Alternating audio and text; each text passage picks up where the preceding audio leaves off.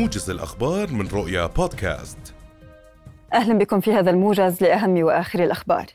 قتل ثلاثة مهربين وأصيب آخرون خلال محاولتهم التسلل وتهريب مواد مخدرة من الأراضي السورية. في عملية أحبطتها المنطقة العسكرية الشرقية اليوم ضمن منطقة مسؤوليتها.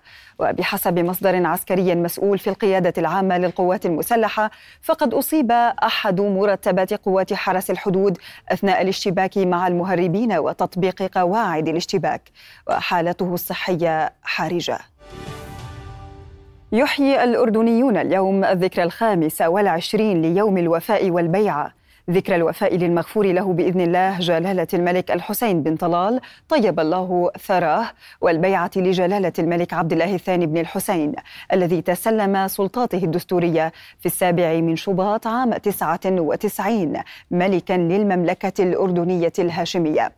والأردنيون وهم يتذكرون يوم رحيل الملك الباني الحسين بن طلال بعد حياة حافلة بالبناء والعطاء يتطلعون بفخر وأمل إلى إنجازات عهد الملك المعزز عبد الله الثاني الذي سار على نهج آبائه وأجداده من بني هاشم في استكمال مسيرة التحديث والتنمية والتطوير.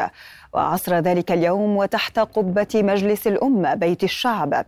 وفي مشهد تاريخي أقسم جلالة الملك عبد الله الثاني اليمين الدستورية لحمل أمانة المسؤولية الأولى. على المضي قدما بالمسيرة الأردنية لتعزيز ما بناه الآباء والأجداد الذين قدموا التضحيات الجسام لرفعة الوطن وتقدمه.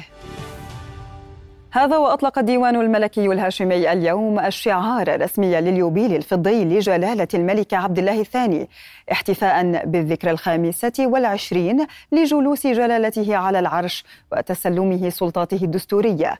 وعمم رئيس الوزراء بشر الخصاونة لاعتماد الشعار واستخدامه في المخاطبات والمراسلات الرسمية كافة لجميع الوزارات والدوائر الحكومية اعتبارا من اليوم حتى نهاية العام الحالي.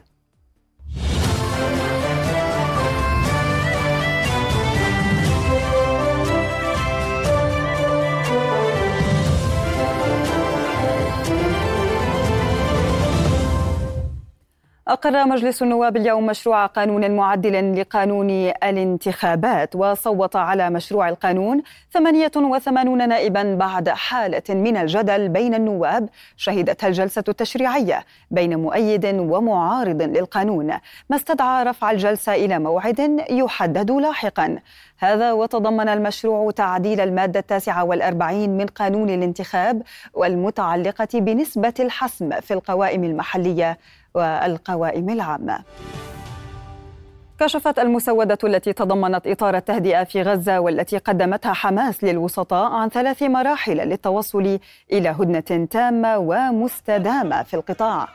رد حماس اقترح مرحلة أولى مدتها 45 يوما لتبادل الأسرى الفلسطينيين والإفراج عن بعض المحتجزين في غزة وتسليم المساعدات الإنسانية.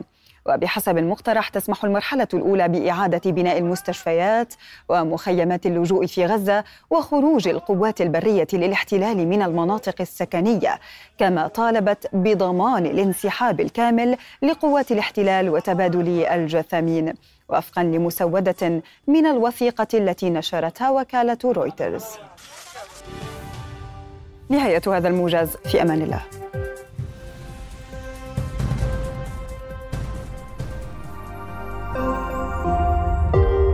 رؤيا بودكاست